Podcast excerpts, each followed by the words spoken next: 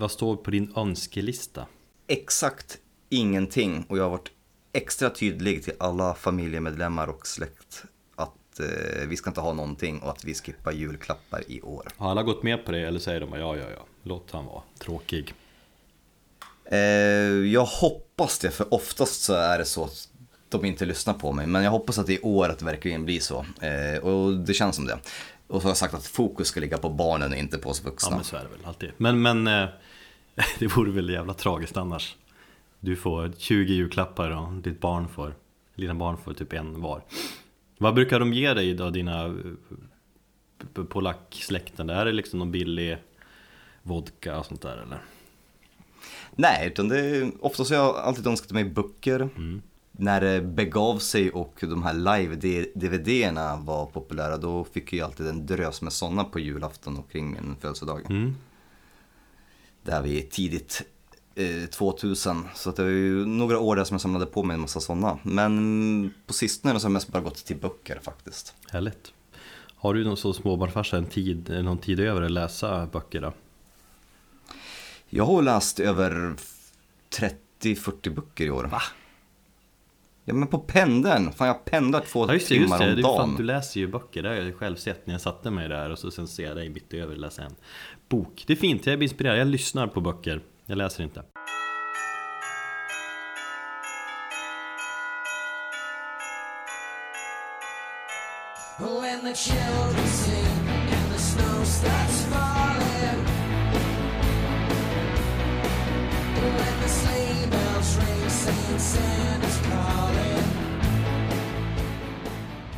Hej! Du lyssnar på Metalpodden avsnitt 88 med mig Erik och med Thomas som låter så här. Hej och välkomna till det sista avsnittet för 2018. Sista avsnittet... Känner du peppen? Nej, men sista avsnittet för säsong 6 och sista avsnittet Ja. för i år.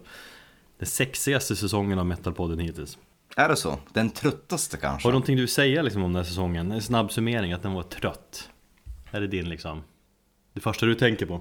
Det är det. Den har eh, varit lite mm, på sparlåga tycker jag. Ändå ganska intressant för att eh, det blev lite mer pepp där mot slutet av året kände jag. Men eh, i övrigt så har det kanske inte varit från min sida kanske den mest inspirerande. Men det finns ju tydligen något som heter podd burnout. Som man kan lida av. Ja, eh, var det inte, eh, vad heter skräckpodden nu då? Vargtimmen som snackar lite grann om det.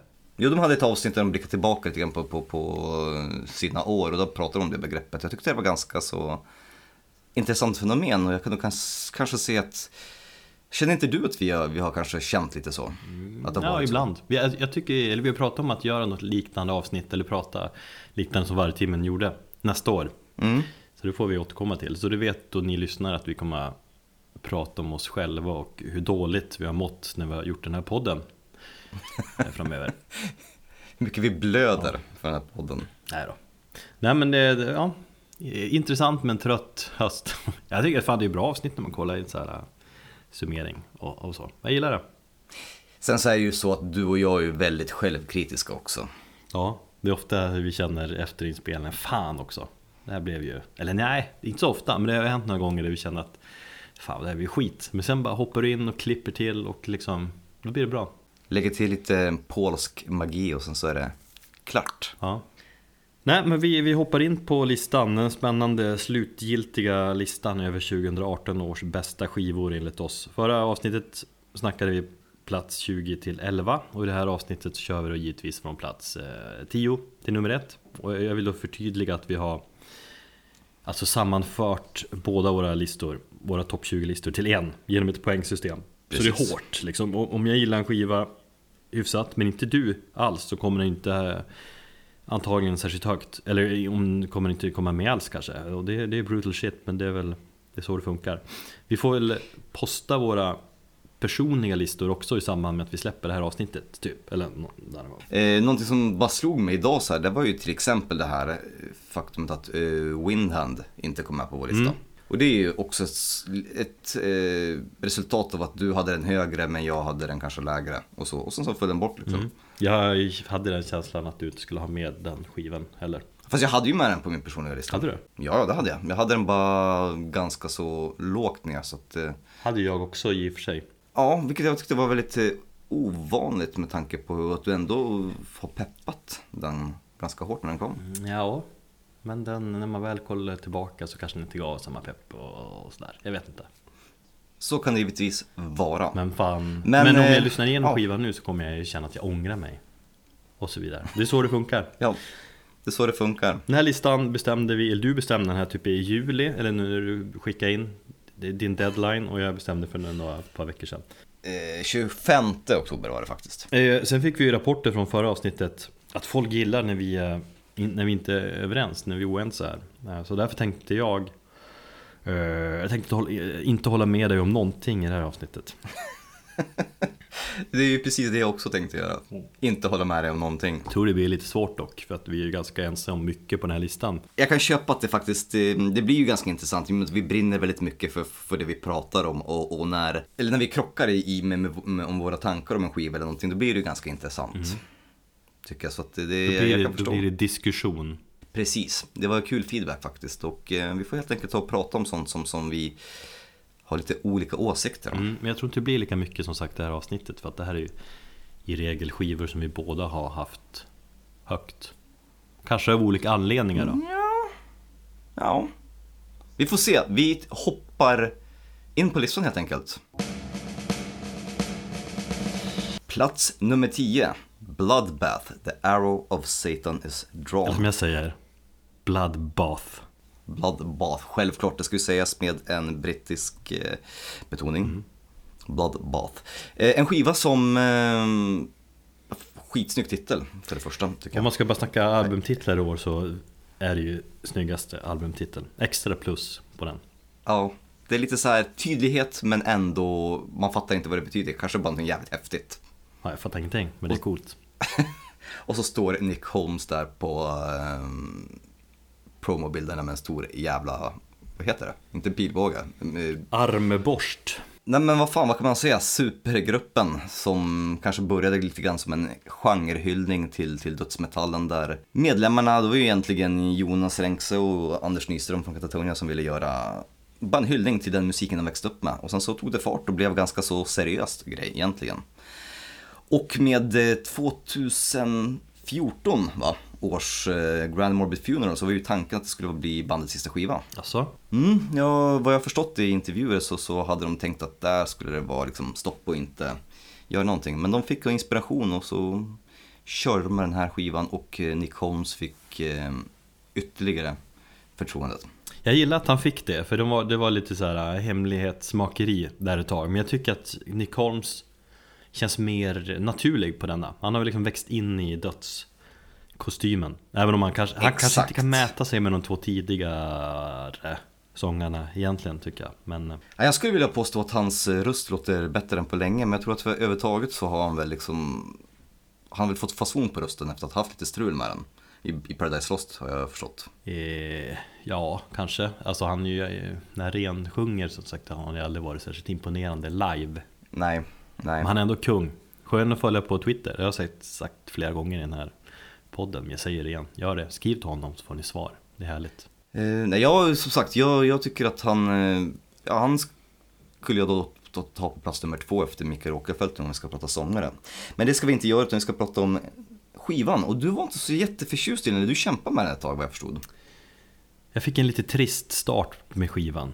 Eh, Jag minns inte varför. men, men någonting hände. Ja. Sen insåg jag att den ändå är jävligt bra. Och jag älskar ju Bloodbath. Jag... Eller vad fan, man har ju ändå så pass höga krav. Eh, och jag tycker ju kanske att... Eller jag tycker Bloodbath har ju... Tidigare har de gjort en av världens bästa dödsplattor någonsin. Så det blir svårt att jämföra sig med det. Men det finns jävligt många höjdpunkter här och... Eh, ja, jag tycker det är en svincool platta.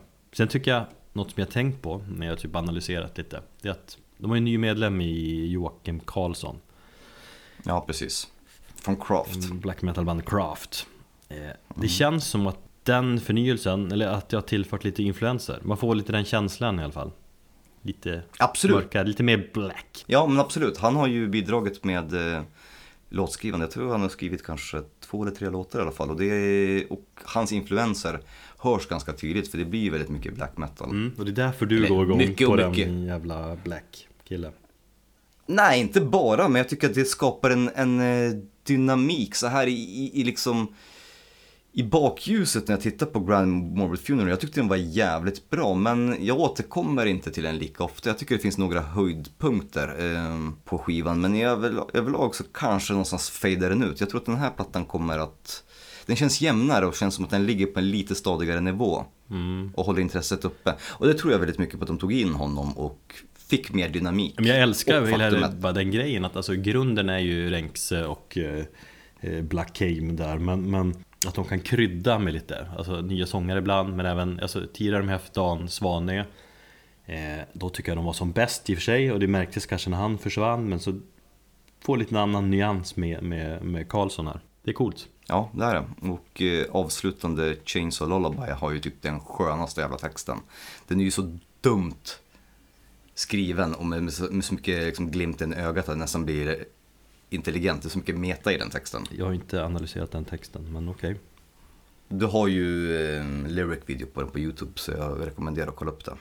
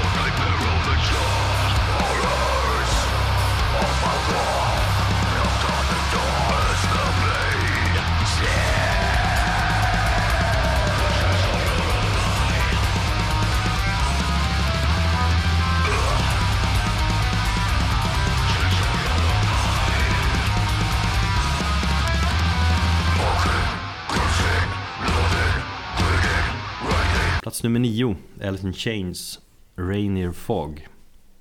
Faktiskt kanske den platta jag sett fram emot mest i år. Det nämnde jag väl kanske i början av året. Möjligtvis. Jo. Och en skiva som vi har nämnt och pratat om ganska mycket under året tror jag. Ja. I peppen och så här. Och som jag nämnt tidigare också så är det ju egentligen de två skivor de har släppt efter Steglis död som har berört mig mest med bandet. Och så i år kom då alltså den här tredje plattan med ersättaren William. Ja men så jag hade, jag hade höga förväntningar på den här skivan.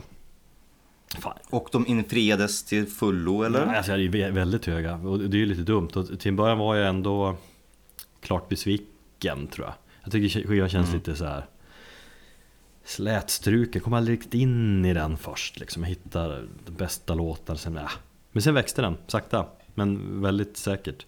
Det är som att Jerry Cantrell eh, skriver musik på det sättet. Att det är små detaljer och nyanser i liksom melodierna som det tar tid att upptäcka. Och det gillar jag. Grundtanken med skivan är ju positiv. Mm. Grundbudskapet är att man ska kunna gå vidare efter allt skit som har hänt. Ja, men att man ska kunna lyfta sig och och komma bort från dimman liksom. Höja sig över molnen, Mm. upp i solen. Fast vemodet finns ju där, finns alltid där i Elton Chains musik och det är det jag är så svag för ändå. Stundtals... Sen så är det väl en, det är väl en hyllning till staden Seattle också, hela skivan. ja, Vad jag förstått. Mount Rainier är ju några mil norr om stan typ. Som, som man ibland sätter sin skugga över Seattle. Eh, Men vemodet finns ju fan alltid där i musiken.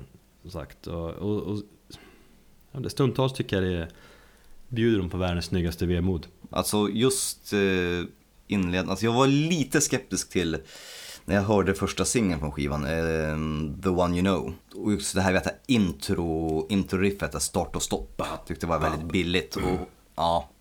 och jag störde mig på det som fan och jag fick liksom, det på något sätt fick mig att inte liksom, det förstörde resten av låten. Men jag kommer att uppskatta det jävligt mycket och det är typ en av mina favoritlåtar från plattan. Tillsammans med avslutande All I Am. Alltså det är två, alltså otroligt stark eh, inledning, väldigt starkt avslut. Det finns några spår i mitten som jag tycker är bra. Ett, två utfyllnadsspår som skulle kunna klara mig utan. Men i övrigt så tycker jag också det är en skiva som har gått varm. Men som föll bort från min, min topp 20 precis utanför. För att citera dig du brukar säga så är jag besviken på dig för det. Ja, men det, det är vackert och vemodigt men ändå positivt någonstans. Ja, och det är bra knullmusik. Ja. Det är alltid Alice in Chains. Ja, men vi, ska lyssna på låten Maybe. Enligt Spotifys statistik är det en låt jag har lyssnat på mest i år. Det är du. Och eh, textmässigt känns det som att det är en väldigt ärlig och djup text från, från Jerrys sida. Jag får känslan av att han jag läser texten, hänger med, som jag gjort många gånger den här låten. Det känns som att han berättar hur han mår när han liksom när han tän- tänker tillbaka på livet och karriären och hur han, hur han allmänt har tappat suget. Känner sig oinspirerad, känner sig ensam och trött men ändå sitter där och ler någonstans. Jag vet inte.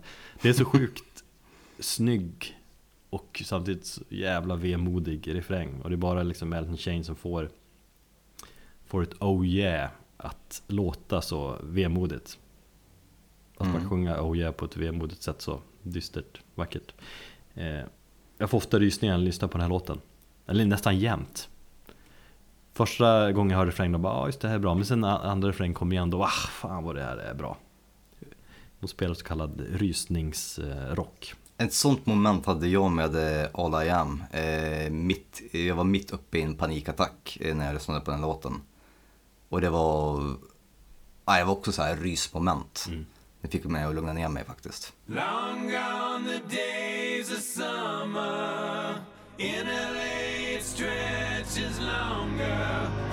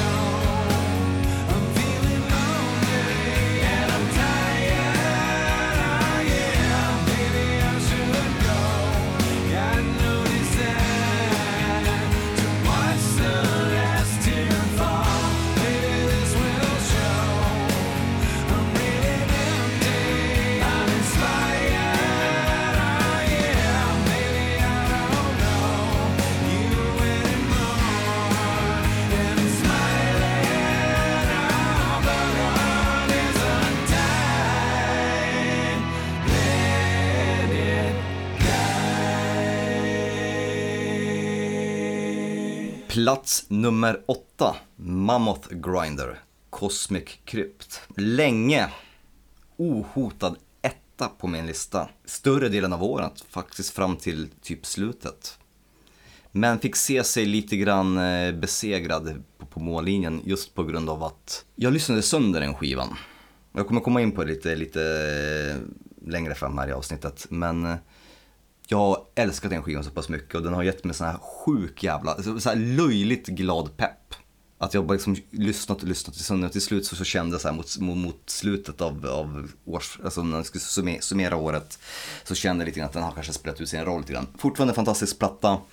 Eh, Mammoth Grinder var någon för mig väldigt eh, jag var totalt obekant med bandet. Så det var så här, jag fick, fick en fråga, de här recenserade dem precis i början av året och bara, ja visst jag, kan, jag tar mig väl an uppdraget liksom och, och lyssna på plattan och blev helt golvad faktiskt av den.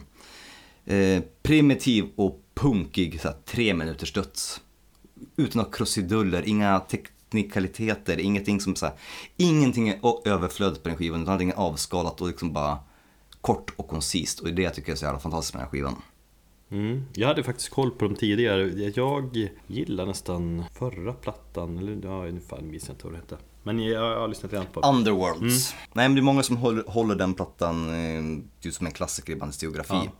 Men det är för att de, den innehåller kanske lite mer, alltså bandet gick ju från att vara så krust hardcore band och har ju gradvis genom åren, de, de har ju funnits ganska länge, jag tror de fan funnits sedan 2004 eller någonting. Mm. De har inte släppt så mycket plattor, det är en hel EPs, men de har ju gradvis gått från en som hardcore krustbakgrund till mer renodlad, ja en renodlad dödskrust, men till och med döds med punkinfluenser. Men eh, ja, det här var en skiva som jag eh, glömde bort. Jag, jag trodde att den kom förra året, minns jag. Jag, tänkte det i alla fall när jag såg eh, din lista. Mm. Det känns fan som en evighet sen. Så jag, jag hörde den här plattan. Det var, då var det vinter Men- och kallt och man jobbar och... Ja, men det var ju en, det var ju en evighet. Det var ju sista veckan i januari den släpptes. Så det är mycket så, om du tänker efter vilka skivor som kom i, i januari. Som Watain, Shining, eh, ja, den här skivan, Tribulation. Ja. Det, det känns ju som, alltså, det är ju det som är liksom farligt att släppa någonting så här jättetidigt i, på året. För att man har en tendens att förväxla det, Ja. eller glömma bort det. Så är det.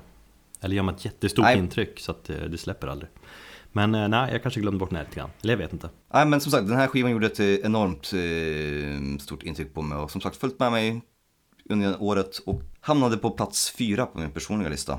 Men eh, det får duga med en åttonde plats som årets bästa skiva enligt Metalpodden.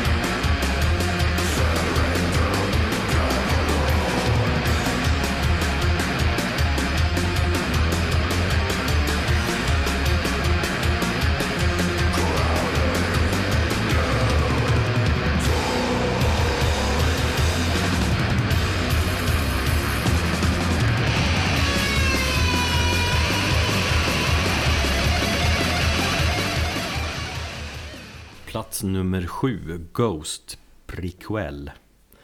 Som kan vara den skiva som jag har lyssnat på mest i år faktiskt. Det här är ju ändå lite besviken, jag säga. Nej, men förvånad. Fick ju tillgång till en skiva en månad innan den släpptes. Vilket är väldigt ovanligt för dig. Ja, så, så hela eh, maj månad så eh, då plöjde jag den i början av pappaledigheten och det var allt var frid och fröjd, det var inga bekymmer. Pappaledigheten skulle vara för evigt som det kändes, ett halvår. Sommaren skulle komma. Alltså man kom ju där, det var ju svinvarmt i, det var upp mot 30 grader i maj. Eh, Jag spelade den här plattan högt i trädgården, hängde med sonen, planterade rosor och verkligen kände lugnet. Och jag tror att det spelade in också att vi fick träffa Tobias eh, också, intervjua honom. Jag tror allmänt den intervjun gjorde att jag fick upp eh, Ja, men fick upp peppen för bandet igen efter allt strul med sparkade medlemmar och så. Jag tror vi snackade i början av året att ah, fan, nu har man liksom tappat suget på det här bandet helt när liksom mystiker och allting har, har fallit. Jo. Och vissa före detta medlemmar som man, man, man ändå gillar liksom deras scenärvaro och grejer har försvunnit och man bara ah, fan det här bandet har ju spårat. Men Och full, Ja. följetongen inte avslutad än så jag tror säkert vi får möjlighet att dyka ner i bandet under nästa år. ja, allt är ju bara ett genidrag ur marknadsföringssynpunkt. Kan vara. Mm. Eh, nej men för ett tag där kände jag bara blä, men sen peppade jag igång igen med allt där. Eh, sen gillar, det är många som har svårt för det här bandet. Eh, folk blir upp chockade liksom, över att man gillar Ghost. Du blir lite så här också. Bara, va? Fan, lite pinsamt att poddkollegan har Ghost så pass högt upp. Nej, det är alltså absolut inte. Det, det tycker jag inte. Utan jag har eh, dock helt annan, andra anledningar att, prata på den här skivan. Men, men fortsätt Mm. du.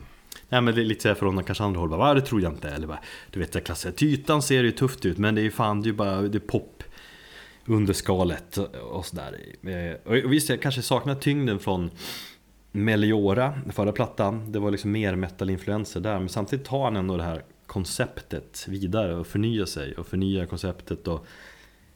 Men det finns liksom en röd tråd i musiken från första plattan tills nu. Men just förmågan och modet skulle jag kunna säga. Att liksom kunna ta någonting i, i nästa steg eller ta koncept vidare imponerar på mig. Och så är han ju så jävla öppen, vilket man kanske inte får vara då i den här genren någonstans, eh, den musikvärlden vi lever i. Man är så öppen med att det handlar liksom om underhållning och kommersiellt intresse. Mycket av det vi lyssnar på, eller mycket det vi, det vi tipsar om i den här podden är ju liksom, det finns inget finns ingen ekonomisk vinning i musiken liksom. Eh, och det är väl oftast mycket sån musik som är intressant då också såklart. För då är det bara helt ärligt och det är inget, ingen annan som man gör det man vill helt enkelt. Men han har ju varit så öppen med att det, det, det, är liksom, det handlar om underhållning, det handlar om kommersiellt intresse. Eh, och det är inte alltid så häftigt för gemene tuff rebelliska metal-kille eller tjej. Men jag beundrar det. Jag, jag tycker det är väldigt genomtänkt på, på alla sätt så. Jag tycker det är uppkäftigt och liksom med att han plockar in låtskrivarna, vad heter, vad heter de? Men Salem Al Fakir och Vincent Pontare, de heter ju någonting ihop. Med, med syftet att göra det ännu mer poppigt så här. Nej, bra. Jag, jag köper alla dina argument eh, och jag tycker också det på något sätt. eh, Jag blir nästan liksom lite glad när man ser kommentarer från hårdrockare som tycker att det är ett skitband och hur fan kan man lyssna på det om man är seriösa hårdrockare. Allt sånt där som bryter emot reglerna på det sättet och det faktum att han säger att det här är ett stort jävla Tupperware-party. Ja. Jag, jag älskar ibland hur han uttrycker på vissa saker och Ja, intervjun spelade nog också en roll lite grann i att få i en inblick i, i, i hur, hur han är som person och, och, och, och sådär. Och medan vi satt där i rummet och pratade med honom och sen så hur man läser liksom artiklar om, om hur, och hur media ibland väljer att framställa honom så i, i till exempel den här fighten som nu är mellan tidigare bandmedlemmar. Så har jag också insett att ja, sanningen ligger någonstans mitt emellan. Det, liksom, det finns säkert fel som har gjorts på bägge sidorna. There are good people on both sides. Jag visste när vi träffade honom, klart att han visade upp en så bra sida som möjligt. Men man kände lite sådär, ah, fast som är jag. Men jag kände liksom, ah, men vi skulle kunna vara polare. Mm. Nej, men det jag har problem med med den här skivan och det är, då ska jag säga så här, Miasma är årets snyggaste låt. Jag är så här löjligt glad av den, årets sommarlåt, det skulle kunna bli en sommarplåga. Eh, den är otroligt snygg, slick och allt möjligt. Men precis som med Meliora så fastnar det inte, det berör inte, det blir väldigt mycket yta. Jag hade precis samma problem med, Meliora, jag lyssnade på den intensivt i två veckor, tycker det här var helt fantastiskt.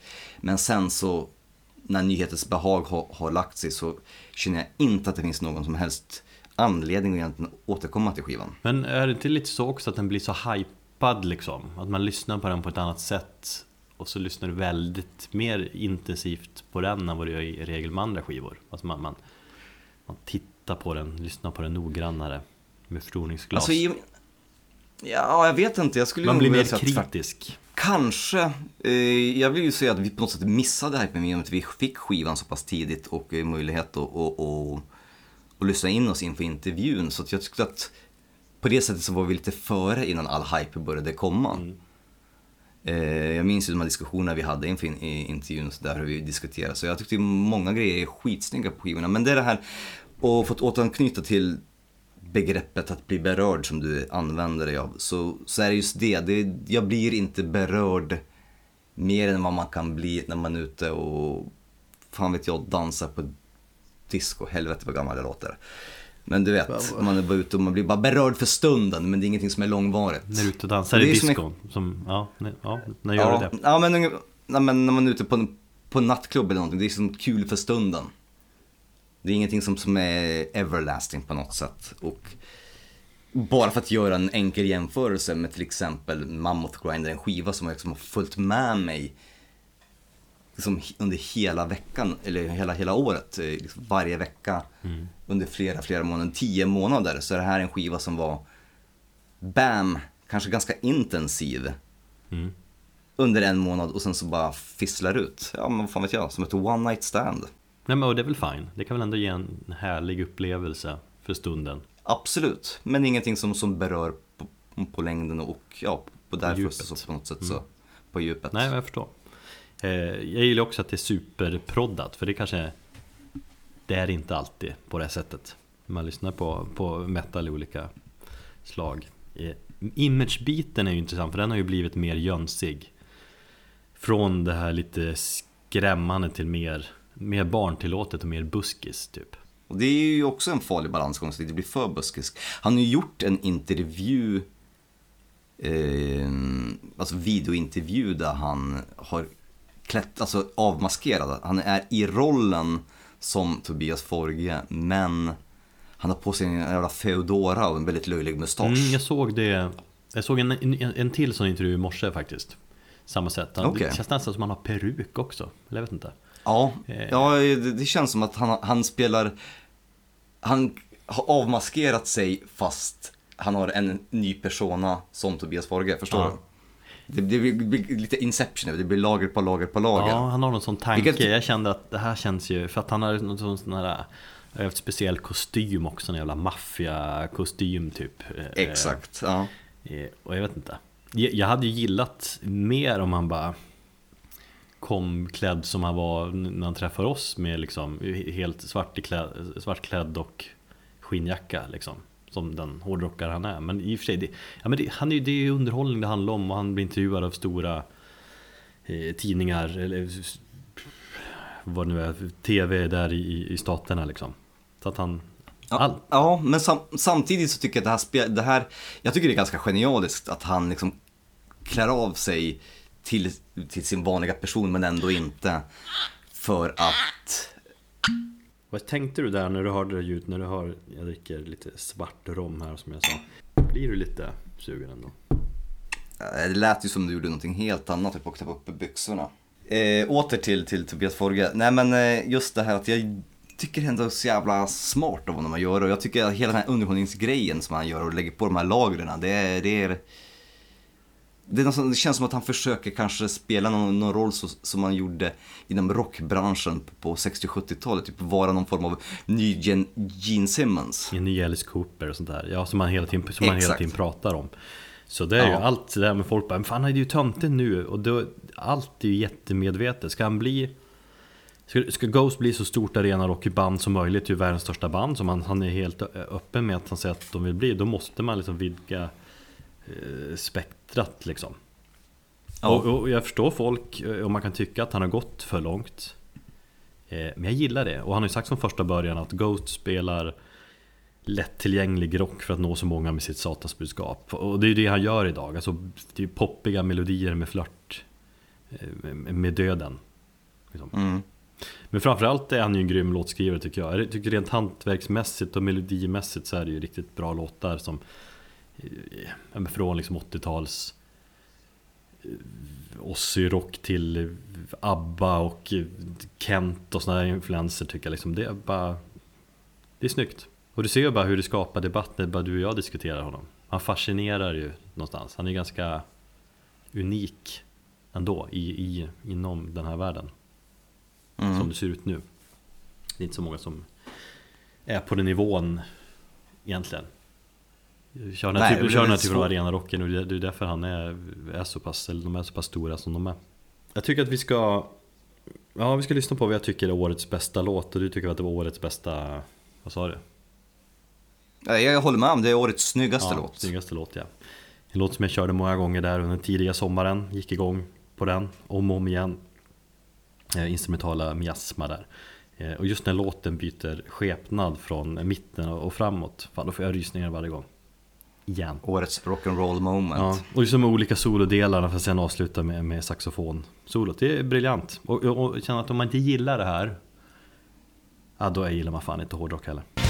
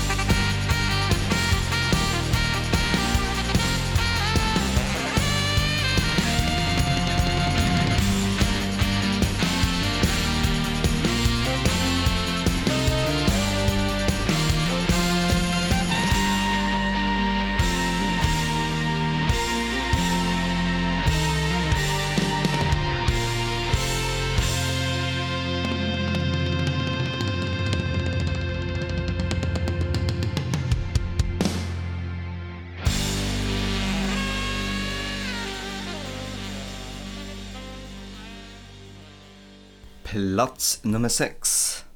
Sveriges bästa dödsmetallband, Vanhelgd, släppte Demos Sanctorium och firade 10 år som band eh, här i september. Eh, en skiva som inte var så där jättedirekt på mig utan jag kämpade faktiskt lite grann med den.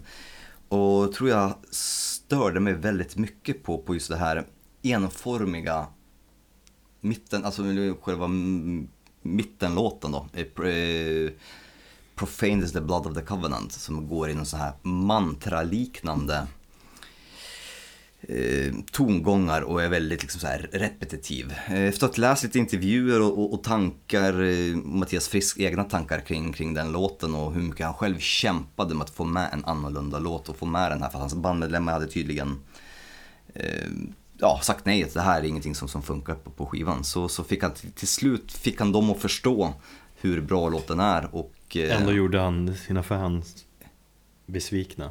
För du sågar ändå. Nej, för att jag insåg efter den, efter att ha läst lite grann på den och lyssnat på den med, med liksom lite ny kun- kunskap att fan den är ganska cool och det är faktiskt en av mina favoritlåtar nu. Men inte det där ganska klassiskt? Någonting man inte förstår och så läser man och får lite fördjupelse kring det hela. Och då, då växer det. Då förstår man. Men om man Ja. kollar från en annan vinkel. Så är det ju ofta. Jo, precis. Ja, nej, men det är så. För, för först är det en låt som, som bryter av själva flowet på skivan. Den är väldigt annorlunda för att vara en vanhelgd låt. Överhuvudtaget så är skivan, bandet har ju tagit in liksom lite mer doom-influenser på, på, på senaste, ja redan på Temple of Phobos gjorde de det. Eh, Ja visst är det lite mer släpigt sådär.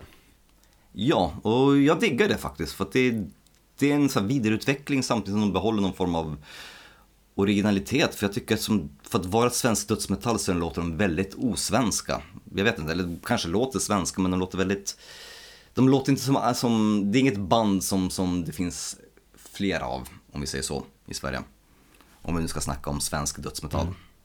Vilket vi har gjort en gång här i podden. Och som Vanhelgd själva säger, det är bandet som håller på för de måste hålla på, inte för att liksom släppa skivor eller spela. Hade det, inte det funnits så hade de fortfarande stått i en replokal och harvat och de gör musik som de själva vill höra. Det tycker jag också så här, men det finns någonting ganska så hedersvärt. Det där har jag faktiskt läst, alltså minst två gånger från dem. Eh, och så sen tänker jag också, men så säger väl ändå ganska många. Vad är, vad är motsatsen till det? Nej, alltså jag kan ta eh, ett band som, som Ghost. In Flames eller någonting, ja, som snackar om att vi ska aldrig göra en skiva två gånger, vi vill vidareutveckla. Så det här konstant att man ska... Jag, jag är trött på att läsa om band som hela tiden snackar om att den här skivan är den bästa vi gjort hittills. Det ett, även om det kanske är som så, så tycker jag att man på något sätt eh, det är ett så jävla slitet uttryck. Fast så, så kan väl Vanhelg också säga om de känner så. Alltså det, det hindrar väl inte, det motsätter sig väl inte. Fast inte grundtanken med det här med att man eh, spelar för sin egen skull och så. Så säger väl och tänker väl många band. Att man vill hålla igång. Men jag tror, inte, jag tror inte ens de går i, i de tongångarna, utan det är så här, bara, men vi, gör- vi gör musik för att vi måste liksom, för att vi känner för det. Ungefär så. Inte att det här är det bästa. Det finns olika sätt man kan prata om, om, om sin egen musik på. Mm. Van har inte en, en, ett band som pratar om, om sin musik i någon form av så här termer om att vi utvecklas. Det är ett band som bara, men vad fan, vi, vi, vi liksom harvar på. Vi gör det för att vi måste. Det är ganska så här väldigt jordnära och nästan lite så här jantelagsmässigt tycker jag. Icke-säljande också. Här vi har harvat på lite grann och det, vi, vi behöver skriva en platta till. Här kommer den. Ja, ja precis. Jag har ju tyvärr inte tagit mig tiden och lyssnat så jättemycket på den här skivan. Kanske beror det på att du inte peppat den så mycket heller. Fast jag lyssnar ju för sig inte heller när du peppar skivor. Men eh, jag gillar ändå att de, de fortsätter med att köra vissa titlar på svenska och vissa på engelska. Jag var lite tveksam till det förut. Men, men sen när de fortsätter med det då, är, det- då blir det konsekvent och då blir det snyggt. Förstår du vad jag menar? Jag läste idag att de i faktiskt senaste close-up att de har haft ambitionen att göra en hel skiva på, på svenska. Eh, Men att de vill inte att det överlagda liksom konceptet eller liksom att låten kan inte ta, liksom, låten kan inte ta stryk av att man bara ska sjunga på svenska utan funkar inte till en viss låt så, så, så får vi lämna det. Men eh, Mattias Frisk säger ju att själv att han, det finns vissa sätt att uttrycka sig på på svenska som man inte kan göra det på engelska, det är mycket lättare. Och jag skulle välkomna om de gjorde en hel skiva på svenska. Jag tror det skulle vara helt fantastiskt. För jag, jag går alltid igång på just deras svenska äh, låtar. Ja. Jag gillar blandningen också, jag tyckte fan det är snyggt nu Det tyckte jag inte med förra plattan, då tänkte jag fan det här är en modegrej Men eh, nu blir det konsekvent Nej, fan, kör med svenska Vanhelgd. Vi lyssnar på Vi föddes i samma grav. Men innan vi gör det, Fantastiskt. någonting, någonting jag gillar med Vanhelg också Är det deras skivomslag som jag tänkte på idag faktiskt. Jag antar det är Mattias Frisk som har ritat omslagen också va? Eh, För Yes. övrigt sjukt duktig, håll upp hans verk om du inte har gjort det.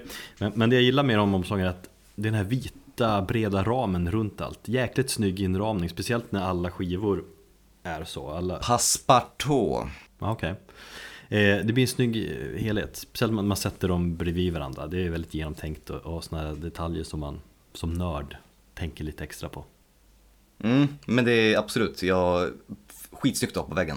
Har du alla tre? Eller visst är det har vi någon första också som är lite?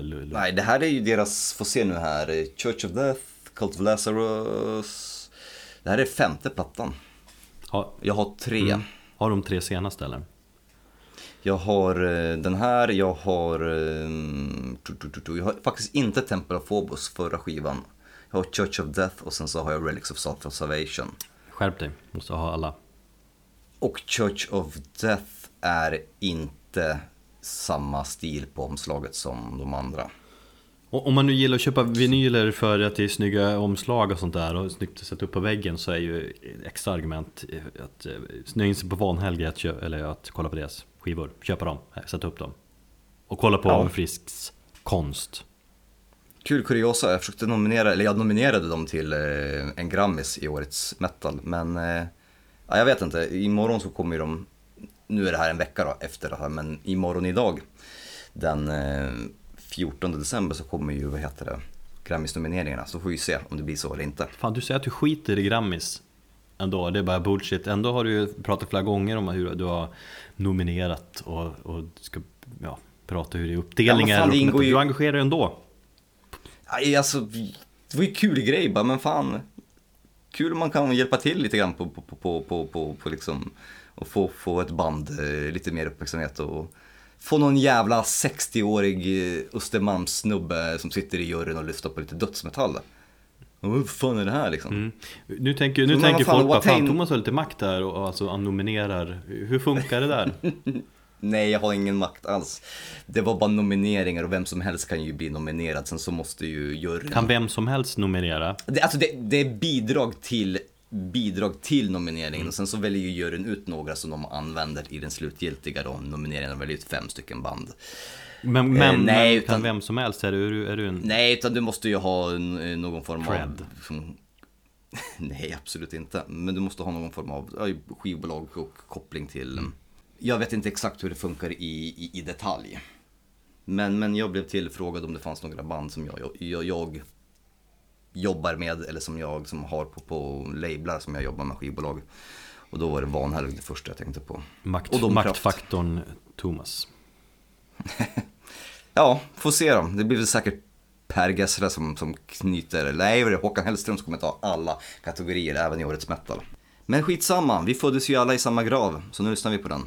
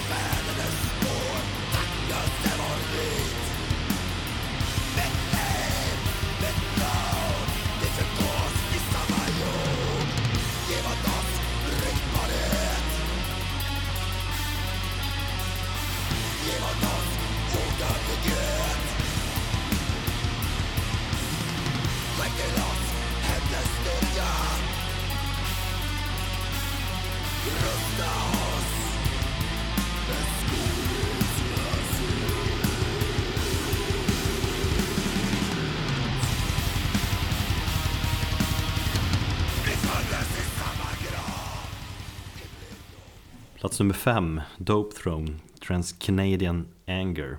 Släppte då sin femte platta, Dope Throne, eh, Trans-Canadian Anger, 25 maj. Skiva som vi vet att både du och jag var ganska förtjusta i, för vi snackade väl om den eh, innan sommaren, tror jag. Mm. En skiva som jag har kört friskt i värmen här. När det var som varmast. Kommer du ihåg det hur varmt det var? Det var värmerekord. Det brann i hela landet.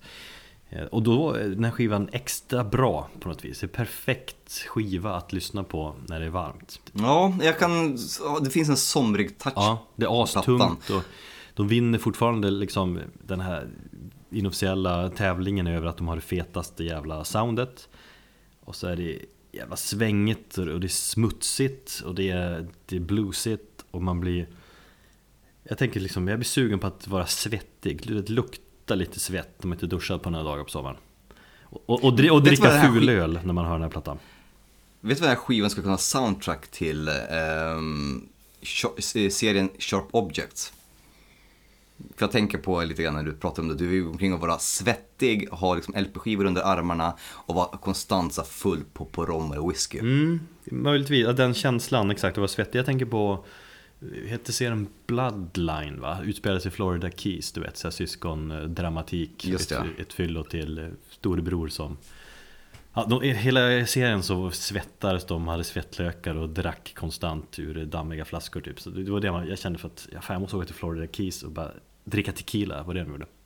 I värmen, i 30 plus eh, fuktig värme. Så känner man lite grann när man lyssnar på Dope Throne, eller musiken blir ännu bättre då Sen ska man inte bli liksom lurad av det här med att det, att det bara är ett tufft sound liksom. Det är väl det många reagerar på. Oh, fy fan vad tungt det här var liksom. Som oftast det här uh, sludge, doom, stoner soundet kan vara. Jo, Eh, utan jag tycker att förutom smuts och sludge så är det- så är det sjukt bra riff i grunden. Och, och ganska enkel musik ändå. Liksom det är det som är det svåra i att få till den här enkelheten och få till det här svänget och få till liksom rock'n'roll någonstans. Rock'n'roll och smuts och fulöl och kanske jättemycket dope också såklart. Och eh, metamfetamin kanske. Så eh, vi kanske lyssnar på Planet Meth.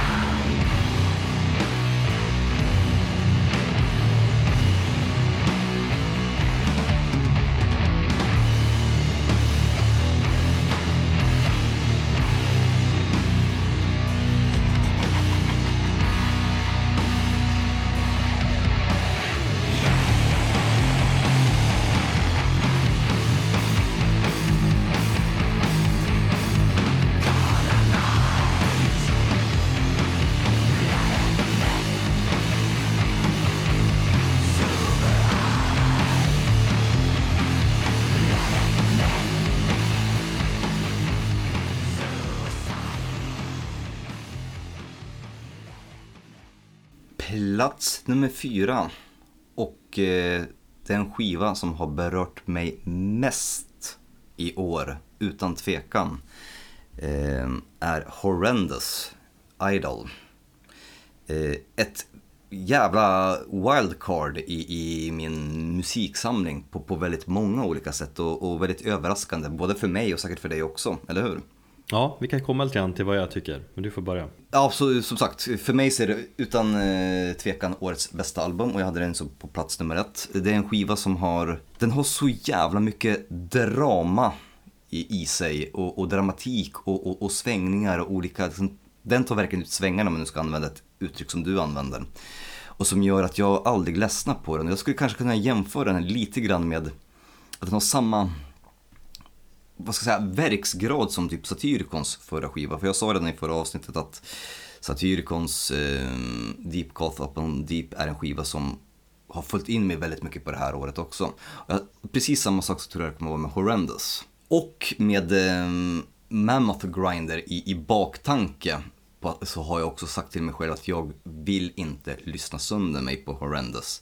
Så att jag har varit tvungen att liksom så här, säga åt mig själv att sluta lyssna på den stundtals för att jag vill bevara, jag vill, jag vill leva med skivan fan i flera år till och aldrig vilja tröttna på den. Det är, det är vackert. Ja, men det, det är så, så att jag, jag, är, jag är sugen på den och sätter på den minst två, tre gånger om dagen. Jag har den på, på vinyl, jag har lyssnat på den på, till och från jobbet. Men så bara, nej nu, nu räcker det, nu får det fan, även fast man behöver bara köra, bara, nej nu räcker det, nu räcker det, nu får, du ska leva med den skivan ett par år till. Ja, som där, Horrendous går från klarhet till klarhet kanske man ska kunna säga. En utveckling från ett ganska så smutsigt dödsband till eh, har blivit mer och mer progressivt. Mm, eh, hon spelar ju någon form av progressiv, nästan liksom fri, jazzig dödsmetall. Eh, och det kunde man redan skönja på förra året, eller förra året, på, på förra plattan Anareta. Som också han höll väldigt högt. Eh, rent personligen. Men ja, det var inte förrän med, med, just Idol som, som det lossnade för mig på riktigt. Många säger att det är, finns influenser från eh, Cynic. Jag kan inte riktigt hålla med, jag skulle säga mer att, ja, ta Death. När de blev liksom mer pro- progressiva och tekniska. Så har du ungefär en ganska bra jämförelse. Man ska inte alltid jämföra heller. Ibland kan det bli Nej, mer men- levande och härligt och bara fan lyssna. Men jag förstår att man vill gärna, vill gärna, ja. Absolut, visst är det så, men det finns ju liksom alltid, jag vet inte varför, men folk tar upp Senec väldigt mycket i, i, i bandet, eh, när man pratar om bandet. Och det är någonting som jag har stört mig på, för jag kan inte tycka att jag håller med om. Eh, det är en liten acquired taste, eh, av den anledningen att det är ju ganska så progressivt. Jag har ju själv haft väldigt svårt för den här typen av progressiv dödsmetall. Men i och med att jag har börjat dyka ner lite mer i, i genren så har jag ju börjat upptäcka att det finns vissa saker som jag faktiskt gillar. Bland annat så har jag ju återupptäckt Morbus Crown i år. Och då har ju samtidigt också den här skivan fått liksom ett större, har varit lättare att liksom förstå sig på. Var det när vi snackade just svensk döds? Svensk 00-tals döds? Eller det kanske inte var i år vi gjorde det. Jag minns inte. Men kanske därifrån du Morbus Crohn Ja det, ja, det är möjligt. Eh, Jag vet inte varför, varför. jag tror jag blivit influerad av lite, lite folk som jag har pratat om och blivit tipsad om så här progressiv döds. Så det är därför jag har kommit in på det. Det är, som, det är en som acquired taste på det sättet också att eh, sången är det väl det mesta som folk har problem med för att den låter Antingen så älskar man eller så hatar man den. Jag älskar sången för att den låter exakt så jävla förskräcklig som bandnamnet antyder. Och det är väldigt, väldigt ful, snygg, eller väldigt fula growl, men på något sätt som pa- passar band, bandet och gör att det blir bara ännu bättre. För sätter du det i kontrast med, med melodier och så här vet, det är det som jag tycker är fantastiskt på den här skivan är att det finns tekniska och proggiga partier och sen så bara skiftar de och bara hamnar i en så här atmosfäriskt eh, och förlösande melodiskt parti. Och, och de här skiftningarna som jag konstant eh, gillar och gör att jag konstant sitter liksom och, och lyssnar aktivt på skivan. Jag har ju faktiskt tagit mig tid att lyssna lite mer på den här skivan för jag har ju förstått att eh, ja, den är så pass bra. Eller jag vill ta reda på om den, den är det kan jag säga. Och jag förstår den bättre nu. Jag tycker jävligt coola riff. jag säga. Lite såhär av, är avigt på något vis. Och så det härligt utmanande eh, tekniskt. Men när du säger att det är jazzigt och så här tekniskt progressivt, då tänker jag mer på lite mer väl producerat och perfekt på något vis. Jag tyckte de är lite så här coolt halv old school smutsiga någonstans. Mm. Vilket jag gillar också. Jag tänker faktiskt en hel del på Masteron när jag hör dem. Jaså? Eh, ja, men, så jag är tveksam till sångaren, eller sångarna va? Är de, hur många är de? Två? Tre? Ja, det är, eh, ja det är, alla har väl någon form av eh, lite backup. Eh, om du tänker på de här lite mer ljusa eller rensjungna sångerna. Ja, jag har ju fattat att de är, det är inte bara en i alla fall, det är minst två sångare. Låter det som. Mm. Eh, nej men det, det känns som att det är deras eh, svagaste sida på ett sätt. Jag tror att eh, Fast om man tänker på Master å andra sidan har, så, så har ju sångarna alltid varit Mastodons svaga kort också, även om de har blivit bättre. Men, eh, det är det man sagt, ja när du säger sådär och säljer in så så förstår man, det ska ju vara lite rått. Det ska inte, vara, ska skava. inte vara perfekt liksom. Nej, och det är det, det, det som är... Jag har lite känslan som liksom, kanske just Mastodon, de hade en sångare som hoppade av sig bara Fan vi går fram och testar lite grann. Vi ska bara Mm. ur med våra känslor. Gå fram till en mick och Och så får det låta som det låter. Alltså kollar man på, de ligger ju ändå på Seasons of Mist som är ett ganska stort bolag och kollar man på, på liksom deras följarantal och sådär på sociala medier så är det ganska litet band och, och jag tror inte så jättemånga känner till dem. Ändå så, så blev de då signade på ett bolag. Jag tror, som, jag tror, även fast de har, det här är deras fjärde platta, så tror jag att de har, de har liksom, de har en möjlighet att ta sig upp till, till ytterligare nivåer till någon, någon, någon form av toppskikt och spela med giganter. Ja. Jag tror att det här är bara början. Jag tror att med Anareta så, så, så blev, från 2015 så blev folk så här, ja men vad fan det här är någonting jävligt annorlunda. Med den här skivan tror jag kommer befästa sig lite grann och sen med nästa platta så kanske det kommer lossna. Och jag som sagt, jag, jag älskar allt att det bara skaver. Skön sång med förskräckligt ful sång, progressiva, konstiga grejer som egentligen inte är min grej med helt fantastiska, vemodiga melodier. Och det är en skiva som man, antingen som jag har märkt när det har diskuterats online och sånt där, det är antingen som man älskar eller som man hatar, som man fattar eller som man inte förstår. Är det liksom en, Jag fatt- en vanesak också? Ja, kanske. Men, men jag Ha tror tid att och det, lust det, ja. Ja, precis. Men jag tror att gemene hårdrockare, och det här är inte på något sätt för att låta någon form av elitistisk, men kanske inte fattar plattan eller inte orkar sätta sig in för bara, äh, det här låter för krångligt. Eh, albumtiteln Idol är ju lite så här metalcore, eh, nu metal doftande. Ja, jag tyckte inte det, utan det med tanke på, på omslaget och sådär. så det, Omslaget det har de en alien på omslaget, typ en xenomorph ser det ut som. Vad är grejen med det då? Oh, nu finns det, jag läste precis en, en eh, artikel om det här, om tanken med omslaget och skivan. Eh, det finns en djupare baktanke i det, men eh, hela albumtiteln om vi ska börja med den och det handlar om att vi, vi människor sätter upp olika former av förebilder eller gudar som vi ska idolisera, vare sig det är pengar eller någonting. Det finns en djupare innebörd av det. De, har inte heller, de pratar inte heller i klartext om det. Men det är att vi ser upp till, ett, till en typ av falska idoler, så att säga. Och eh, den här omslaget som, som, som de har med den här liksom, xenomorfen eller vad det är, det är... Jag tror det handlar mer om bandets alltså estetiken kring deras albumomslag, det passar lite grann mer till den, till den. Om du tittar på till exempel förra omslaget på Anareta så ser det ju väldigt HR-giger ut.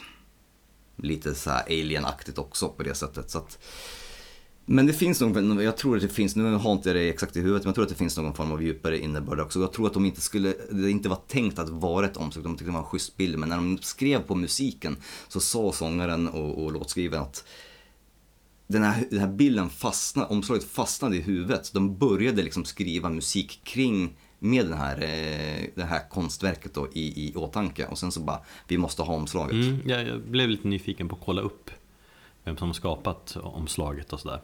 Mm. Det är snyggt som fan. Som sagt, antingen älskar man eller så hatar man det. Jag har fullkomligt älskar det. Och eh, för att visa lite grann på bandets bredd så ska vi lyssna här på avslutande Obelus.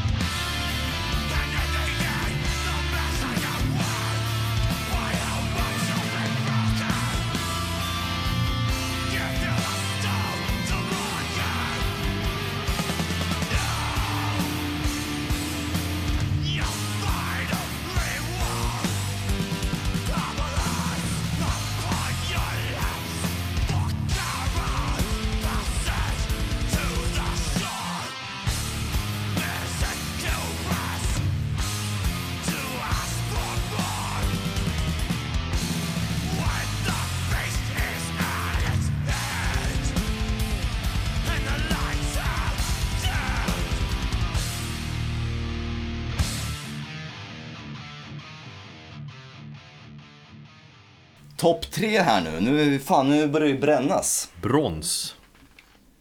Judas Priest Firepower. Brittiskt stål från, från Birmingham är de ursprungligen från va? Säkert väldigt överraskande för, för många, även för mig. Och så blev jag även överraskad du hade med den ganska högt upp va? Eller vart hade du den någonstans? Ja, jag hade den ganska högt. Ja. Ja. det är ju en fantastiskt bra platta. Trodde jag inte, eller fan, du, du, du, ja, du är en liten heavy metal kille ändå Fire, Ja. Firepower, det är Judas Priests 18 album Eh, Senaste två skivorna har varit aptrista, eller ja, trista i alla fall eh, Och jag tror det har spelat eh, en stor roll till att jag i alla fall hade den med på min årsbästa för att jag tyckte de har varit lite sömniga. Ja men exakt, inte har var- man ju känt länge Men alltså, de fyller 50 år nästa år Alltså de bildas ju Ja. fan på 60-talet KK Downing. Sjukt! Ja, KK Downing han hoppade av för ett antal år sedan. Det är också, Då känner man också att äh, fan, det här bandet går ju ut för Eller vad man ska, det är inte så konstigt liksom. Och för ett antal år sedan Eller vad säger jag, nu senast så Glenn Tipton har ju Parkinson så han kan ju inte spela live. Eller han kommer in ibland och kör en låt typ. Eh, Och känns väldigt gammal när han gör det. Allt detta sammantaget så borde ju liksom Judas Priest vara rätt körda. Men så släpper de Firepowers och så är det en svinbra platta? Jag blev, jag minns, jag blev förvånad själv när jag, när jag hörde den. Och så körde jag den på repeat och så kör på repeat igen och så Jag tror i samband med det, jag och, och min svärfar Vi lyssnade på den samtidigt typ, vi lyssnade på vinylen. Och eh, han är jättestort Judas Priest-fan. Eh, Och jag satt och tittade på honom när han liksom han sket i barnbarn och grejer utan han bara Han, han bara satt i soffan och, och log liksom Alltså så här med en, med en Liksom man såg hans 20-åriga jag Och satt och log och så kände jag fan det här är ju snuskigt bra Fan vad fint Ja det var ju ändå. jävligt fint Nej, men jag, Jag hade också ett liknande, ett liknande scenario när jag hörde den eh, för första gången. Det var bara så här noll förväntningar och så bara smil från öra till öra liksom. Och bara helvete vad det här var bra, det hade jag inte förväntat mig. Så började man skratta liksom. För det Ja. Nästan så förvånande. Fan jag, jag kör en gång till. Ja men det är ju så bra. Det, och det är så svårt att säga vad det är också. Eller det, egentligen inte. Det är en helgjuten platta. Eh, om man ska hålla sig till klyschor. Men det är det verkligen. Och jag tycker nästan varje låt är bra. Och så kan man fråga, gör de någonting nytt? Liksom, nej. Det gör de inte. Det är mångt och mycket liksom 100% eh, Judas Priest heavy metal. Men det är ändå det är bra låtar, jävligt bra melodier. Rob Halford är kung. Live kanske han alltid att han inte alltid regerar med sin sångstil så där. Han står ju mest och tittar ner i, i backen när han sjunger live. Det är lite frustrerande tycker jag. Men på skivan, Satan var bra. Alltså han Varför titta ner i backen för? vet inte. Det är som att det är som att han Jag tänkte om texten ligger där och han blivit så pass gammal tänkte han minns vad han sjunger. Ja, det har jag dels tänkt på. Men sen, sen det känns som att det är en självförtroende grej. Jag har fått känslan att han sjunger bättre om man böjer huvudet på något vis liksom. Tittar man på tidiga 80-talsklipp när han har super självförtroende och bara håller ut en så här falsett-ton hur länge som helst. Och har sånt jävla, sån extrem pondus. Det är en helt annan snubbe. Ja, för, det, för det låter, nu var det ju länge sedan jag såg bandet, men jag såg dem 2008. Eh, Och då var det ju jävligt mycket, då hade de ju på sin jävla hel mundering liksom, det var ju heavy metal så bara skrek om det och mycket i näven och, och, och liksom viftade ut mot publiken. Så det var ju ingenting som var blick ner i backen. Mm.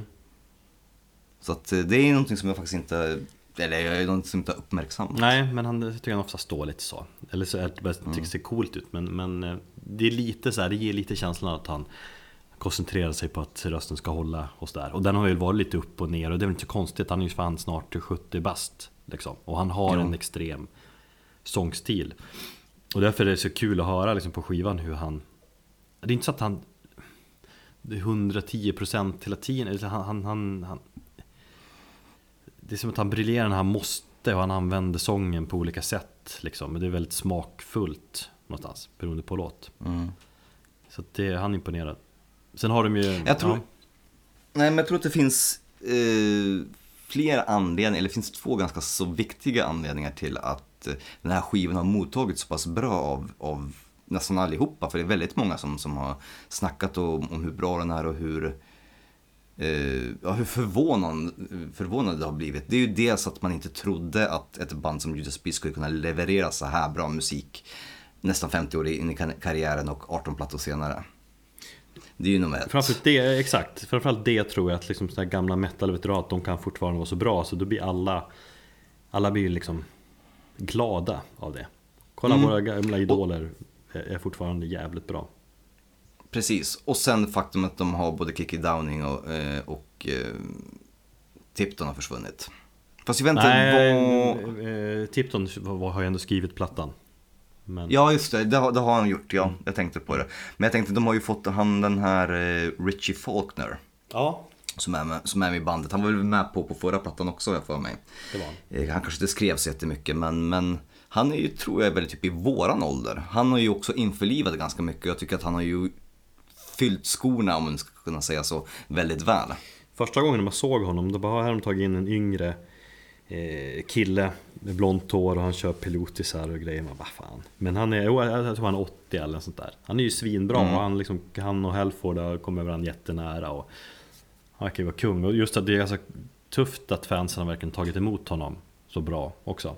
En annan en sak som snackas om mycket när man läser här plattan, det är att de har Just eh, producentmässigt har de ju tagit snubbar från två helt olika skolor. De har ju dels Tom Allen som de som senast arbetade med någon gång på 80-talet. Eh, så lite tillbaka så. Sen har de tagit in den här Andy Sneap som är så modern metal producent. Just liksom. Eller jag tror han både är producent och eh, mixare. Har gjort, liksom, om man kollar in hans liksom, diskografi, vad han har gjort så känner man okej det här är väldigt modern och hård metal. Så det är en blandning där, så det, det är kanske också ett genidrag någonstans. Överlag så har man lyckats få till det på alla möjliga plan med den här skivan. Ja, och jag, fan, jag känner också att det känns som att mer och mer för varje år blir mer och mer Judas Priest-nörd. Det finns liksom så många olika eror av bandet som man kan snöa in sig på och upptäcka. Eh, och just det här, då klättrar de upp ännu ett snäpp i, i mitt hjärta. Eller tog ännu mer plats säger man kanske. Fan, under 2019 så ska jag eh, gräva ner mig mer i, i USB än vad jag har gjort. För jag tycker ändå att jag har en ganska ytlig kunskap och ett ganska ytligt fan av bandet. Ja, det håller ju inte. Nej, vad fan. Inte när man, när man har att göra med metalguden. Mer Judas Priest, mer vinyl och mer eh, nitar och läder.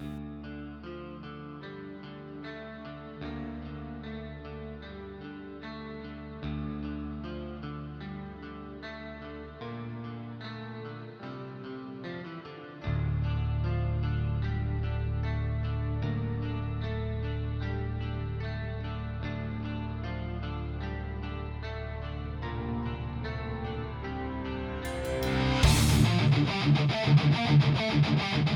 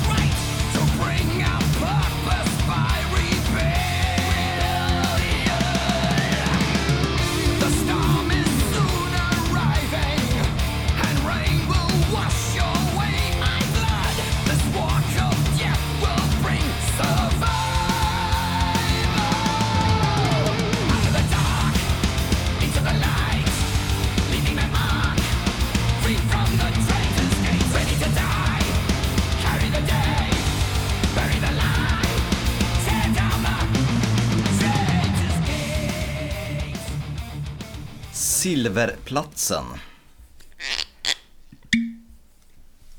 Ta dig en till rom. Börjar du bli full där Nej, eller? jag smuttar på allt, ja. Rom är ju så jävla gott att bara lukta och smutta på. Folk pratar om sin jävla whisky och tror att de kan någonting och åker till Skottland och ska lukta och hålla på. Men fan, rom, sött, gott, mysigt. Det hade ju varit bättre om du hade tänt på en feting när vi nu ska prata om Sleep och The Sciences. En skiva som kanske kom lite grann från ingenstans, eller jo, det var väl klart att bandet skulle släppa en skiva även om det inte var riktigt bestämt när. Och sen BAM! 420, det bästa, den bästa dagen på året. Och givetvis är det ju väldigt logiskt att det är ett band som Sleep släpper en skiva på en sån dag också. Så kom The Sciences 20 år efter legendariska och stilbildande Dope Smoker. Och det är en skiva som överträffar alla förväntningar som jag tror att man hade på bandet. Och mer därtill. Jag har funderat på det där, alltså, vad vad är det som gör att man, man gick igång på den så mycket? För jag hade den som plats nummer ett, det kan jag väl avslöja. Mm. Eh, och ingen skiva gav mig som samma kick som den här plattan i år. Fan vad jag gick igång på den. Eh, ja, men, så här efterhand, när man tänker hur hade, hur hade man velat om man fick sitta ner och fundera. Hur hade man velat att Sleep skulle släppa sin nya platta? Det var tusen år sedan de släppte en skiva, då var de underground så har de blivit super jävla kult liksom. Jo, utan marknadsföring hade man velat att den bara skulle komma hux flux, för det behöver de inte. Eh, Nej, från precis. ingen, ingenstans ska den bara komma upp. Och, och, och det var ju så det var, även om liksom, ryktena fanns där men den bara dök upp. Och så givetvis skulle de släppa den på 420, vilket känns helt logiskt i, ef- i efterhand, eller hur? Det finns liksom, det är klart att, de, att det var att de skulle göra det. Men, men just när den kom då, bara fan, vad briljant. Det är klart som fan de ska släppa Ja. den då. Helt självklart. Och de har en låt som är döpt efter Black Sabbaths basist. Ja, fantastiskt faktiskt. Eh, Det är också så självklart. Och, och att första spåret, eh, det är självklart bara Matt Pike som får köra rundgång och, och jucka med liksom mick eh, omkopplaren på sin gitarr. Det också, känns också helt logiskt. När man lyssnar på det spåret, det är så här Nej, man, man, man, man byter inte spåret och man kör det först. Vad är det, två, tre minuter av hans... Det är intressant att du säger det för att normalt sett sådana här meningslösa intron som det är bara någon form av, av jag vet inte vad det kan vara. Tool är ju ganska experter på att ha det. Jag tänkte på eh, 10,000 Days som har en hel del så här interludium och skit. Ja.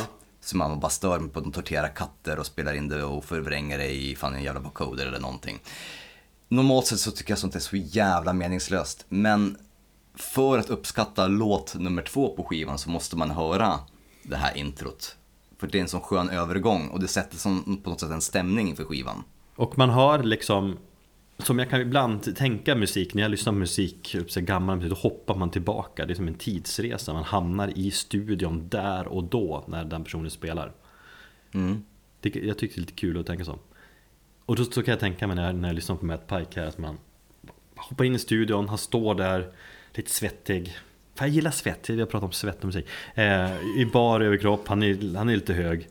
Och så står han där liksom och, och, och håller på Kanske en halvtimme har hållit på för att få det här introt Ja, ur- ett marknadsföringsperspektiv och, och, och hade det varit på vilket annat skivbolag än till exempel eh, Jack Whites då, eh, Third Man Recordings, eh, så hade det nog det varit katastrof och jag vet inte om de ens hade accepterat det. Det känns som att det var lite grann som att bandet han tänkte liksom att vi behöver ingen marknadsföring, nu vi bara släpper skit i den här jävla cykeln att en skiva ska släppas och laddas upp på olika portaler liksom för att den ska kunna vara ute en viss tid och sådär. Utan de bara, äh, fuck it, vi bara kör. Ja men det vet ju alla Eh, skivbolag också, de vet själva hur, vilken fanbase de har Ja, När de bara kan ut och gigga och allt har slutsålt och inte släppt en skiva på 20 år så vilket annat band som helst som hade gjort så här och jag vet att det finns en, de- en del band som har försökt sig på surprise-släppa skivor. Eh, Avenged Sevenfold gjorde väl det i år eller om det var förra året. Förra hösten va? Och den floppade väl? Ja, precis. Ehm, sen så har Cancer Bats, kanadensiska metal hardcore bandet, släppte ju en sin platta också bara, nej fuck it, vi släpper den, bam. Ehm, och och det här är kanske, ja, Cancer kanske inte kan jämföras med Avenged Sevenfold när det handlar om, om, om kommersiell framgång.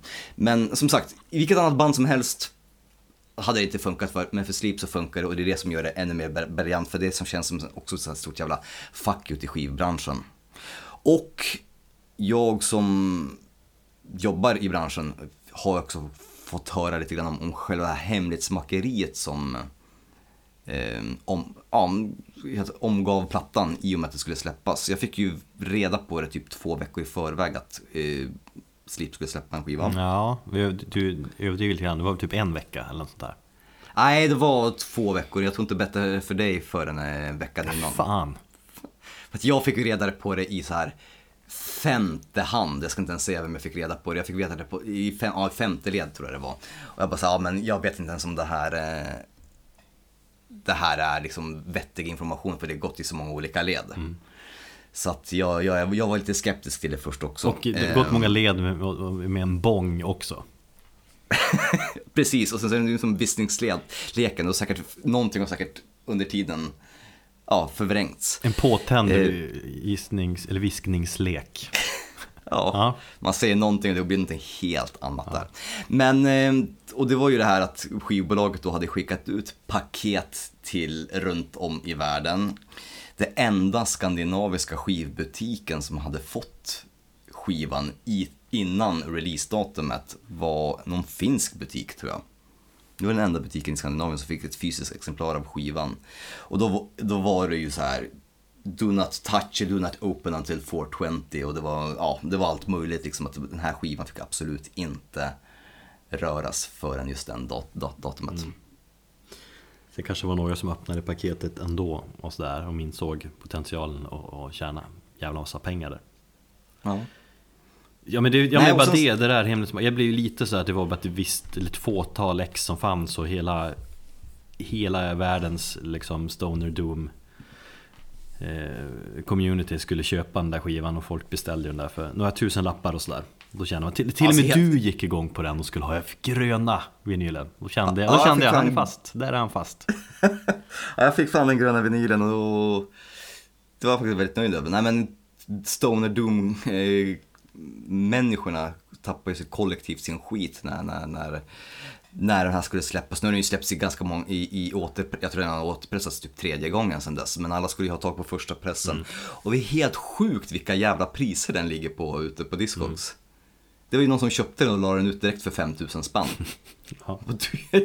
Vilka jävla idioter det finns liksom. Och det, och det är det som är så jävla tråkigt, för det kommer alltid finnas de människor som kommer dit och förstör och sen så... Det är väl Ja, härligt? men- Det är ju fan, det är ju härligt Jag kan ju tycka att re- record collectors are pretentious assholes. Men du är ju där, Men vad fan, du hamnar ju där, är där, mer och men- mer men jag är inte pretentiös och det är inte du heller. Ja, jag har ju köpt, Det är eh, snacka Ghost, jag köpte en Ghost-singel för 1800 spänn Ja, där är ju för sig totalt jävla dum i huvudet. Mm. Men kolla på alla mina vinyler, vad fan, jag köpte Slayers Show No Mercy igår. Fan, det är ju typ så här trettonde re-releasen av den. Eh, alla mina bollthrower-vinyler, det är ju bara för fan återpress och allting. Jag skiter i om det ska vara första pressen. Jävla muppar, fuck it. ah, Du är alltså, ja Det är väl lite svårare än sådana bara, men om du har chansen att få en första press på Sleep så, så gör du beredd att gå över ganska många döda kroppar för att få den Jag fick den billigt. Vi lyssnar på Marionauts Theme. Men innan vi gör det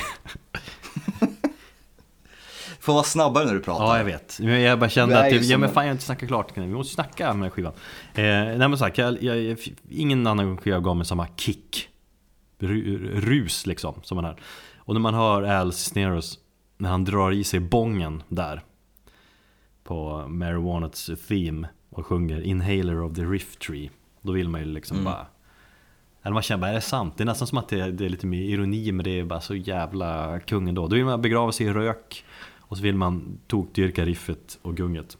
Och till, ja. Ja. Nej, fortsätt du. framförallt live. Ja, det var det jag ville komma Ja, till. fan vad bra de var. Du svär mycket här jag försöker inte göra det men ibland måste man få göra det. Hypnotisk känsla kände jag att jag upplevde under spelningen. Bästa spelningen för mig i år tror jag ändå, då har jag, jag har inte analyserat eh, och tänkte efter nog, jag har inte listat vilka spelningar jag varit på och hållit på så, men ja, spontant så är det den bästa eh, känslan. För det var kung och det var snuskigt varmt. Jag fick gå och köpa två öl i taget bara för att eh, Och sen så blev du så jävla full så du inte vet hur du kom hem och jag tappade bort det och blev orolig för ditt välbefinnande. Nej, så var det ju inte. Jag gick ut och pissade och träffade Matt Pike. Ja, så var det. Just ja. Och sen träffades vi där uppe. Och, eh, och sen kände jag att jag behövde åka hem. Men var fan, jag var inte så. Jag var inte piss full. Ja, det, var, det var en fantastisk kväll, eh, den spelningen på, på The Basa strand. eh, Var det typ senast vi var på konsert ihop känns det som? Det kan stämma. Det var i maj fan. Nej, vi måste ju varit efter det. Nej, det var vi nog inte. Nej, det var 22 maj för mig att det var. Ja. Du var inte på någon Gröna Lund-spelning heller? Nej, det var bara jag. Nej, det var jag inte. Eh, det var ju en, en, faktiskt en spelning som jag hade sett fram emot väldigt länge och eh, lyckats fixa barnvakt så att både jag och Karo kunde gå på den. Och det kändes som att man träffade en jävla många, många vänner och bekanta på det stället. Och Det låter ju roligt. Ja, det, det blev jävligt roligt. Det var en kväll fylld av bra musik, jävligt mycket kärlek och, och en kväll som jag faktiskt kommer minnas väldigt mycket under ett ganska så tufft år. Och att få stå längst fram där och, och få se Matt Pike i bar överkropp eh, var helt fantastiskt. Thank you.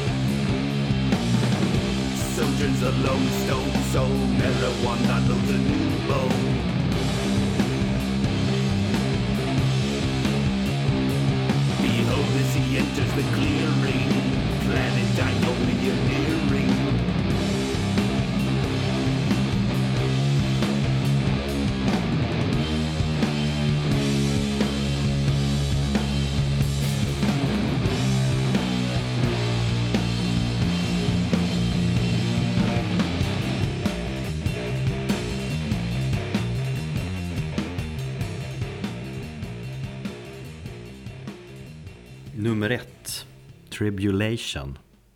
Down below.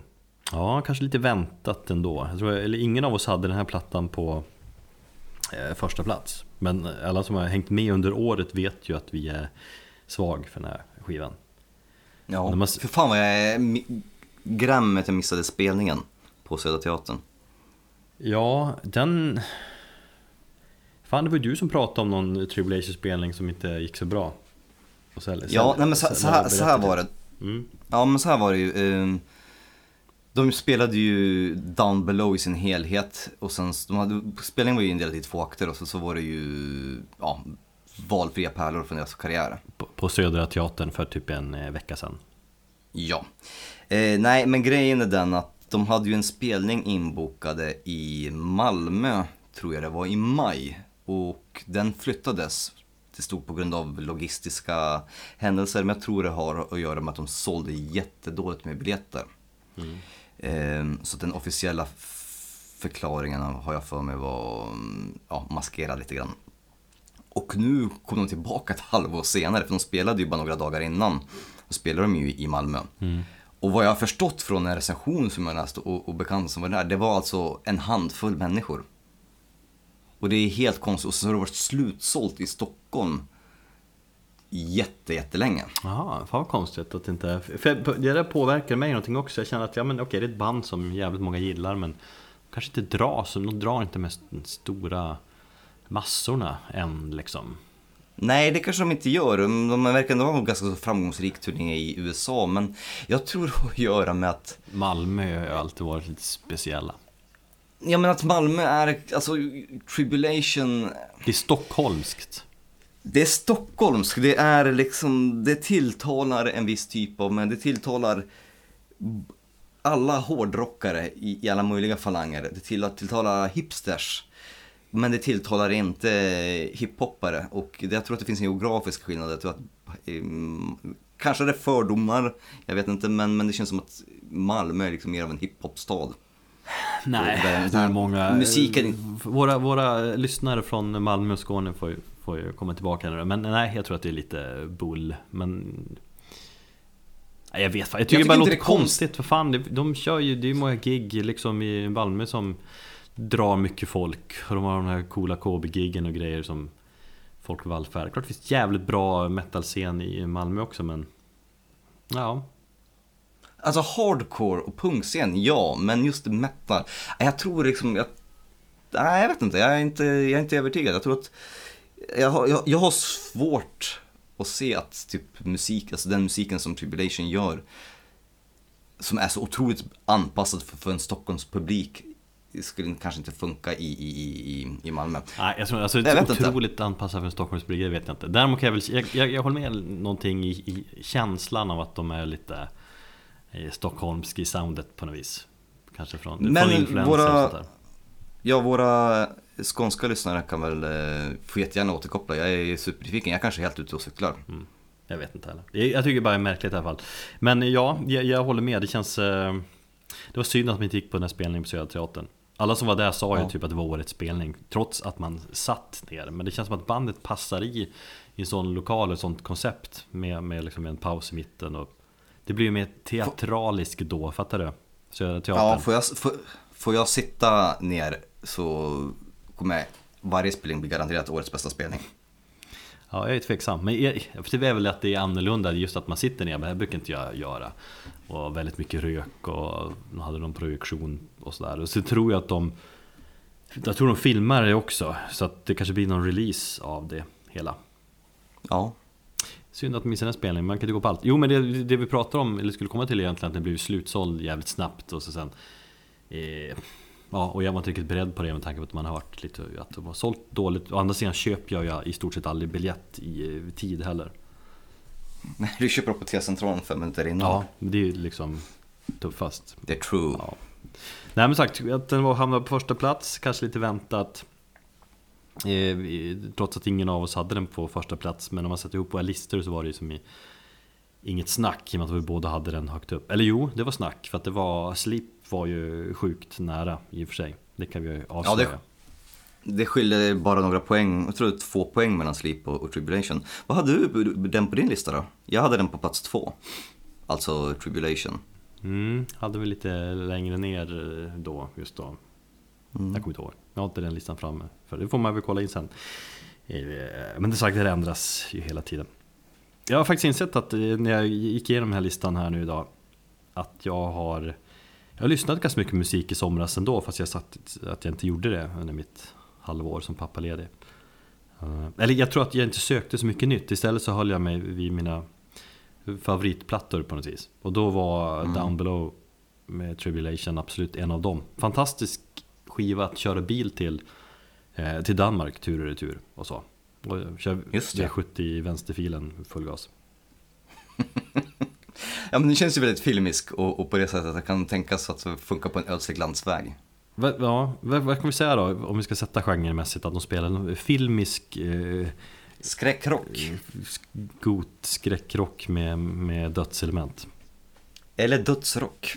Vampyrrock Något sånt Ja, kan man säga. Ganska lik på många sätt i och för sig som förra skivan eh, De har inte haft samma utveckling som tidigare mellan skivorna Men ändå, den är, Down Below är ändå mer filmisk skulle jag säga Mm. Nej men det, det är väl kanske den största farhågan jag hade med den här skivan innan den kom. Det var att, eller när, eller när jag hörde den första gången, att jag undrar hur länge den kommer liksom hålla sig vid liv hos mig personligen. När utvecklingen har liksom stagnerat lite grann. Det är, inte, det är som, som jag har sagt i, det här, i, i podden när vi pratade om skivan den kom. Att eh, hoppet mellan Children of the Night och det här är inte lika stort som det har varit med de andra plattorna. Så därför var jag lite liksom försiktig och avvaktande till det. Men det är en skiva som faktiskt har ja, växt på mig och istället för att ta ett kliv framåt ytterligare som en kanske bara tagit ett kliv åt sidan. Tycker jag. Ja men de, de är så spännande musikmakare tycker jag Alltid så Det är alltid spännande musik att lyssna på Snyggt skrivet liksom Snyggt, snyggt, snyggt Jag tror de kommer komma ganska långt eh, som eh, ja, i de flesta års bästa listor på alla möjliga sätt. Jag tror Sweden Rock Magazine har väl dem på årets bästa metalplatta. Close-Up har ju den. Jag tror de kommer komma, kamma hem en eh, Grammis. Ja, I alla fall bli nominerade för den. Peter Guld likaså. Så att det är, eh, jag tror det här kommer att vara ett band som kommer funka och alltså täppa igen lite grann hålet eller brygga igen den här eh, avgrunden mellan fin och fulkultur, hårdrockare och eh, det här är musik som jag kan tänka mig se få ett mittenuppslag i DN-kultur. samtidigt är, har de ändå den där underground-känslan då, då, Ja. Som jag gillar Ja, jag älskar när, när, band på det sättet liksom förenar två olika världar. Det här är något som man verkligen kan se pratas om på ett kulturprogram men samtidigt så kommer det kunna spelas på, på en mindre, kanske skitigare ställe. Sjukt svårt att välja låt också ja, även här Det är så många låtar som berör, det är så många låtar som är så snygga Men jag tycker väl Men du, men du valde den låten som jag också hade valt. Cries from the Underworld, den kanske är bäst på plattan ändå Den kommer så bra in efter, för att det är, det är ju första låtet på B-sidan. Det Nu är, börjar jag prata med Ja, ännu en, en ett liksom tydlig signal eller tecken här på att du är vinylare. När du snackar om B-sida, det gjorde du ju aldrig tidigare. Nej, jag vet. Men jag lyssnade på den här skivan innan vi spelade in eh, podden. Jag tror att folk inte heller, inte, det är många som inte fattar vad man, säger, vad man menar när man säger B-sida. För B-sida brukar man snacka liksom eh, kanske singlar och B, men, men en vinyl är ju uppdelad i, i två, på två sidor. En A-sida och en B-sida. Man brukar inleda en skiva väldigt bra, bra första spår. Sen när man vänder på skivan, alltså upp till B-sidan vill man inleda bra där också. Alltså det är en skiva som är uppdelad i två delar. Ett tänk som försvinner helt med, med CDn och liksom, eh, liksom Spotify och sådär. Vilket, men, det gör, man tänker skivor på det sättet.